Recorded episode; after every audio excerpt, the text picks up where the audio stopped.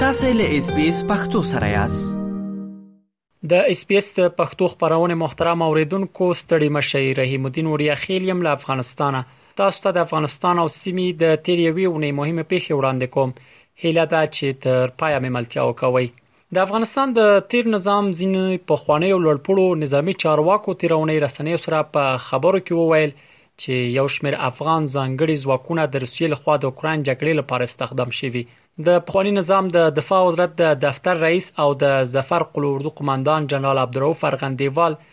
دا خبره د تېر اونۍ د یک شنبه په شپه ازادي رادیو سره په ځانګړې مرکه کې وکړه او دا خبره یې تایید کړه چې روسیه پلان لري زرګونه افغان ځانګړي ځواکونه استخدام کړي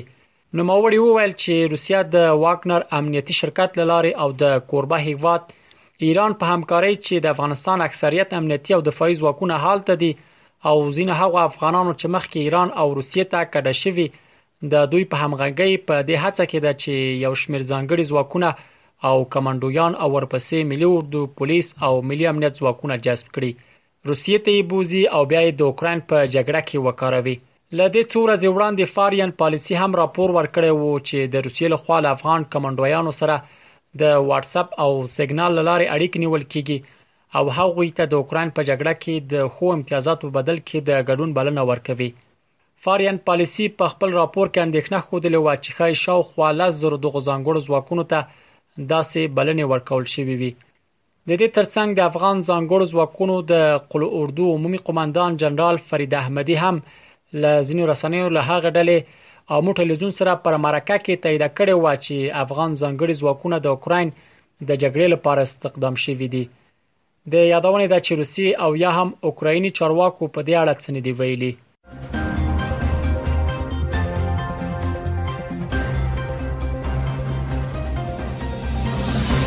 تیره اونۍ د طالبانو او امریکایي چارواکو ترمنځ په دوحه کې پر بیلابیلو موضوعاتو خبرې وشوې د امریکا د بهرنی چارو وزارت ویان نت پریس وویل چې د دغو خبرو عمده هغه یې په افغانستان کې له ترهګرو ډلو سره مبارزه و نت پریس په کابل کې د امریکا بې پلوټ الوتکې په وسیله د القاعده ډلې مشر وژلو ته په اشاره سره وویل چې طالبانو ایمن الظواهری ته په پناه ورکولو سره د دوه تړون نقض کړی دی تر دې وړاندې داسې ناتایید شوي راپورونه خپاره شول چې ګواکې د طالبانو د رئیس الوزرا د مرستیال مرا بلادر په مشرۍ پلاوی به د امریکا د ملي امنیت له سلاکار جیک سلون او د امریکا د استخباراتو د مرکزي ادارې له مرستیال ډیوډ کوهن سره په دوحه کې وګوري که څه هم د طالبانو د بهرنیو چارو وزارت د یو اعلامیې له لارې دا راپور به بنسټه وباله خو د حزب اسلامي مشر ګلبدین حکمتیار هم دا تیر اونۍ ویلي وو چې خبرې روانې دي هغه دا په ډاګه کړې وه چې امریکا متحده ایالاتو له طالبانو سره د نویو مذاکراتو سلسله پیل کړې ده او غواړي چې د دوحې د پخوانیو خبرو په څیر بیا له طالبانو سره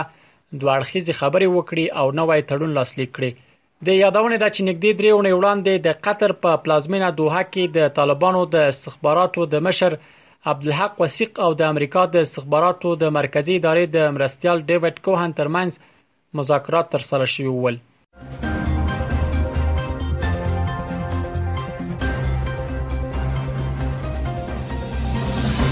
د جرمونو نړیوالې محکمې قاضیانو تېره اونۍ په افغانستان کې د جنایتونو په اړه د څېړنو د بیا پیل امر وکاوه. دغه محکمه غواړي چې په افغانستان کې ترسره شوي هغه جنګي جنایتونه وڅېړي چې د مخکنیو افغان ځواکونو، امریکایي ځواکونو او طالبان لوري ترسره شوي دي. په افغانستان کې به د جنایتونو قضیه د جرمونو نړیواله محکمې څارنوال کریم خان مخته یوسي هغه د اگست په میاشت کې د طالبانو د واکمنۍ د یو کال په پوره کېدو له قاضیانو غوښتي وو چې تحقیق ته اجازه ورکړي او خبرداری ورکړ چې په افغانستان کې لا هم جنایتونه دوام لري د بشري حقونو د څار سازمان په افغانستان کې د جرمونو نړیواله محکمې د څېړنو د بیا پیل هرکلی وکاوه او وی ویل چې د دغه محکمې بیا پیل شوی څېړنه باید د متحده ایالاتو د ځواکونو په ګډون د جګړې د ټولو اړخونو جدي جرمونو ته رسیدګي وکړي څو عدالت په داسې حال کې چې خورا ځواکمن هیوادونه هم پکې ښکیل وي ټینګ شي خو د امریکا د ملي امنیت شورا بیا وویل په افغانستان کې د امریکایي ځواکونو د چلند د څېړلو په اړه د یادې محکمې له کومې هڅې نه دي خبر او فکر نه کوي چې د کار ته د اړتیا وي د جرمونو نړیواله محکمه چې په 2002 کال کې جوړه شوې په هغه هیوادونو کې جنگي جرمونه څیړي چې پلټونو وړتیا یا اراده یې نه لري دا لومړنۍ محکمه ده چې د بشر ضد جنایتونه او جنګي جرمونو ته رسیدګي کوي.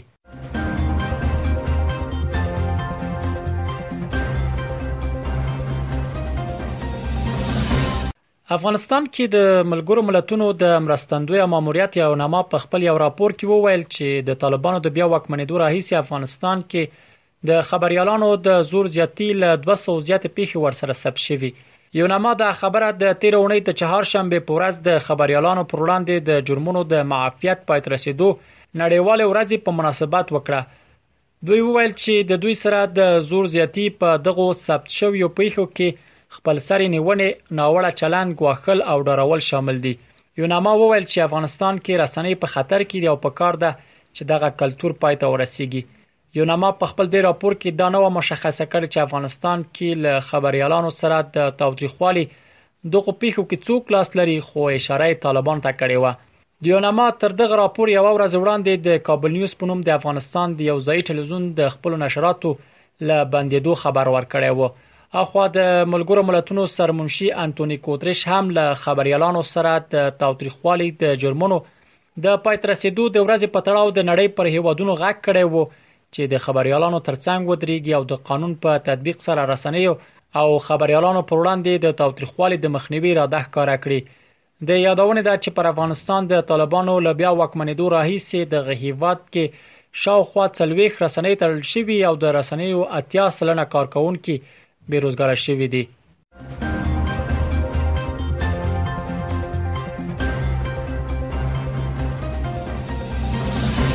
د دې اونۍ د پای موضوع هم دا چې د طالبانو له بیا وکمنېدو را پدی خو امریکا له افغانستان سره 1.1 میلیارډ ډالر مرسته کړې ده د افغانستان د بیا رغونې په چارو کې د امریکا ځانګړي سرمفتش ادارې یا سیګار د تیرې اونۍ د جمعې په ورځ خپل راپور کې له افغانستان سره د بشري مرستو په برخه کې متحده ایالات ستر مرستندوی هیواد وباله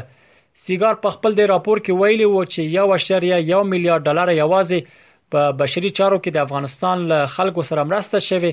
او هیڅ پیسې د دې هیواد په رغونه ته نه دي ځانګړې شوې دوی د دې کار دلیل د امریکا ادارو ترمنځ د همغږۍ نشتوالی ښودلی و. سیګار په خپل دې راپور کې د امریکا د نړیوالې پرمختیایي ادارې یوسایډي او د خزانې وزرت د افغانستان د بیارغونې لپاره له ځانګړي سرمفتش جان سپوکو سره همکاري نه ده کړې.